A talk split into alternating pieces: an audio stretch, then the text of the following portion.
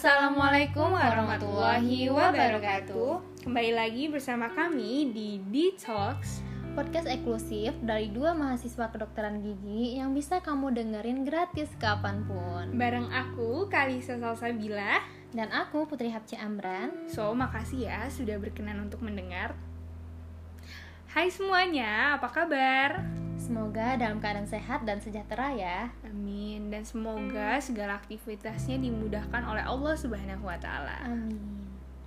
By the way, Kalisa gimana nih kabarnya? Alhamdulillah baik luar biasa. Bagaimana nih dengan Putri? Alhamdulillah baik. Nah, sekarang kita mau bahas apa nih, Kak?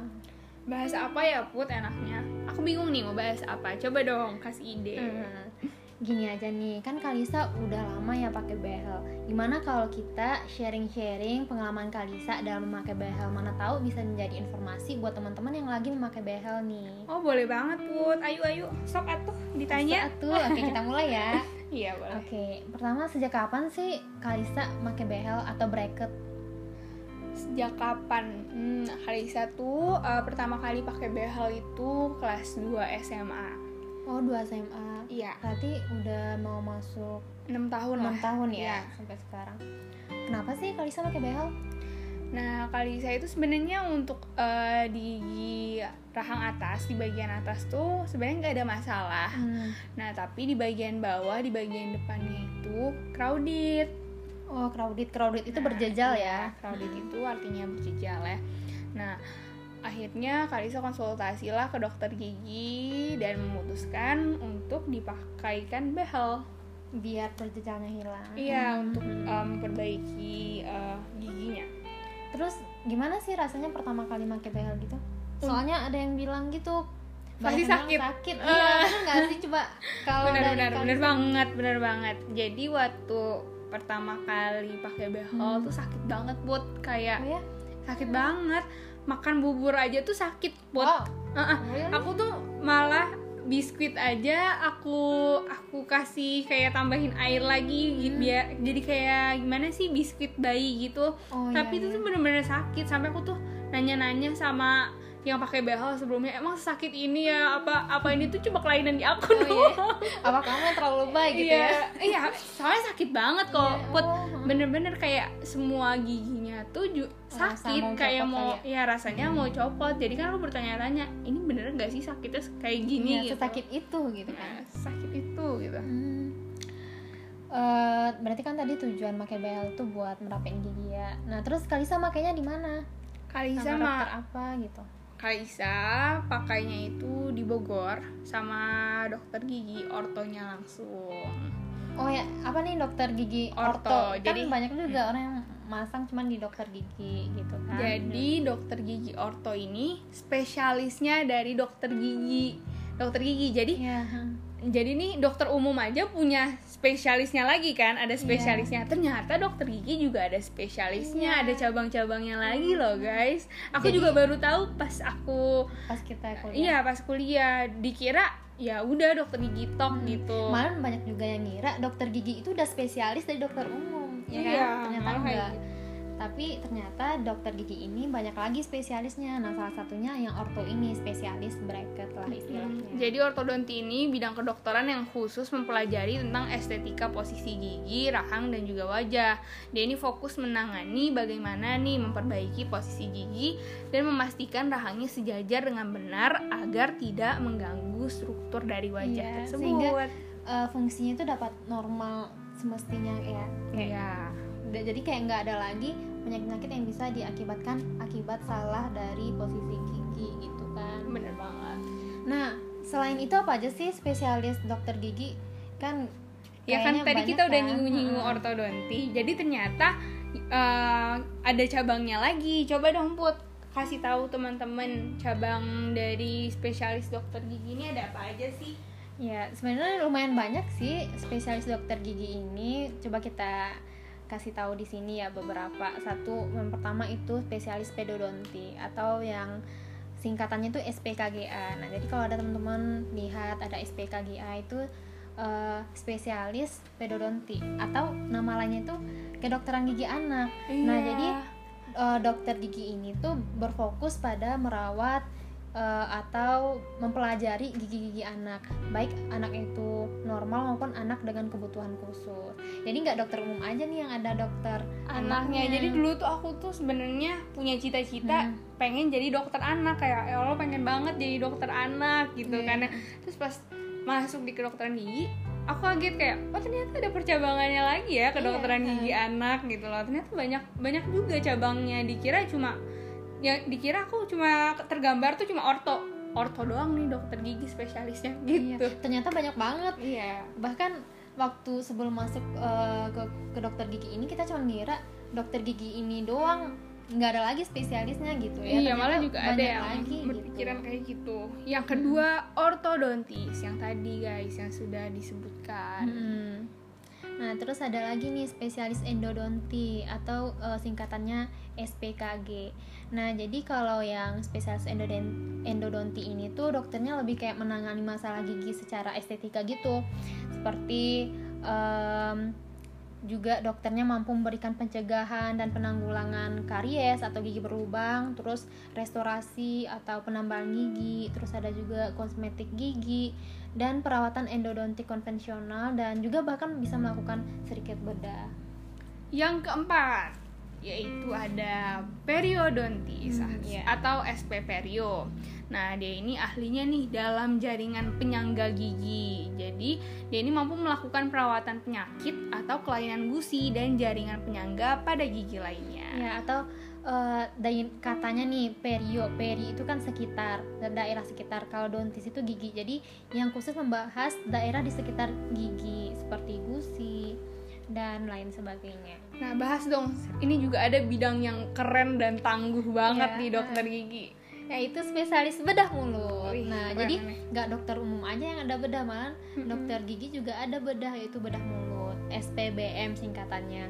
Jadi ini misalnya eh, kerjaan dokter SPBM ini kayak yang paling kecilnya nih mencabut cabut gigi. gigi. Terus juga seperti bibir sumbing, palatum yang bercelah. Nah, itu yang menanganinya SPBM ini, spesialis bedah mulut ini atau misalnya nih Bener banget. ada kecelakaan yang rahangnya rusak atau patah. Nah, itu juga kerjaan dokter SPBM.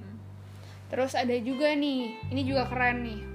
Dan SL-nya juga luar biasa yaitu prostodontis. Nah, SP ini Pros. ya ini kalau bisa dibilang sih anak-anak FKG eh, SL-nya ber- Udah. apa ya? keras banget nih di kaget sini. banget dikira paling waktu awal-awal sebelum masuk kita Hmm. pelajarin tentang ya ilmu kedok sama kayak dengan kedokteran Iya. ternyata juga ada berkaitan dengan teknik gitu loh Ya, jadi kayak makanya dokter gigi itu terkenal dengan dokter, artis dan Teknisian. teknisian. Nah di sini kita ngerasain banget gimana sih jadi teknisian gitu, karena kita harus memiliki skill bagaimana mengukir gigi. Ya bayangin aja deh gimana kita halo ya, teman-teman FKG pasti Iya. merasakan SL ini betapa beratnya yes.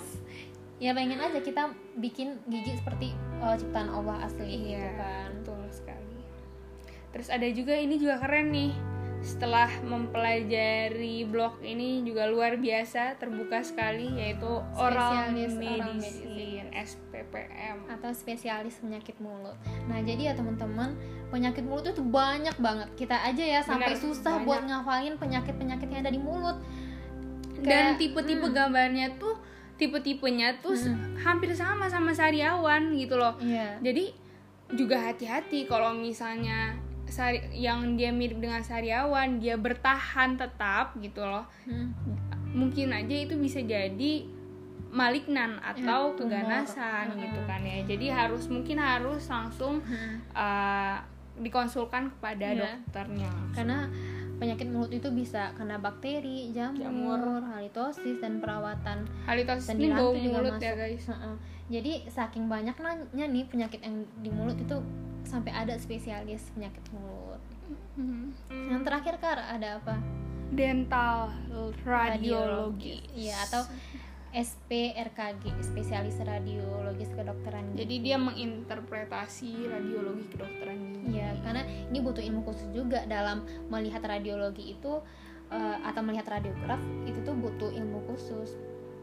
dan ini tuh sebagai penunjang penunjang uh, dan untuk diagnosis ya diagnosis misalnya untuk diagnosis penyakit atau dan lain sebagainya itu butuh banget dental radiologis.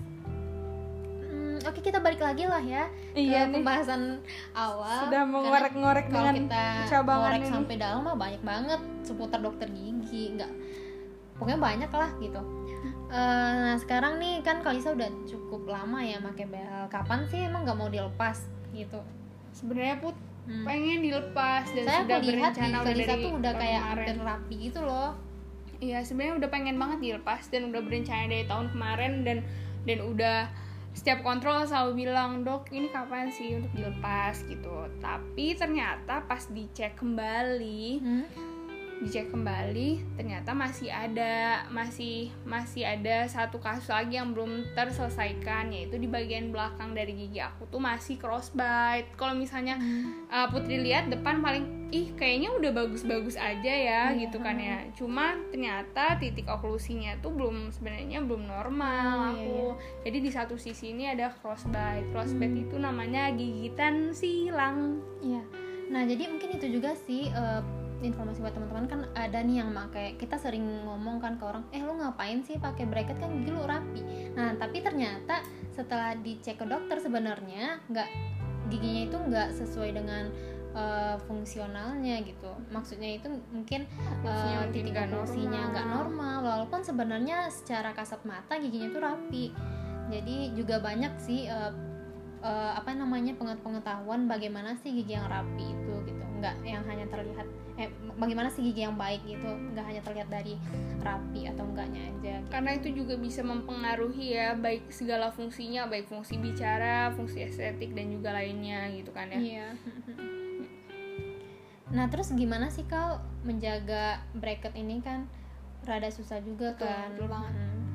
jadi untuk ngejaganya kita harus rajin sikat gigi karena kan dia setiap makan tuh benar-benar kayak Nyangkut ya? nyangkut gitu loh. Nggak enak gitu Ci. Kadang kita juga udah pakai sikat gigi udah rajin kadang juga yang di sela-selanya tuh masih ada. Makanya butuh banget pakai sikat interdental yang dia tuh kecil kan. Jadi Hmm. itu untuk ngebantu di bagian sela-sela dari dia juga ada kan Salah eh, sikat gigi khusus orto? giginya. Khusus bracket ini? Ada ada sikat sikat gigi orto juga tapi aku udah udah lama nggak pakai jadi kayak pakai sikat gigi biasa. Tapi diharus eh, diharuskan atau lebih baik lagi kalau misalnya kita pakai sikat gigi yang sikat gigi orto ya.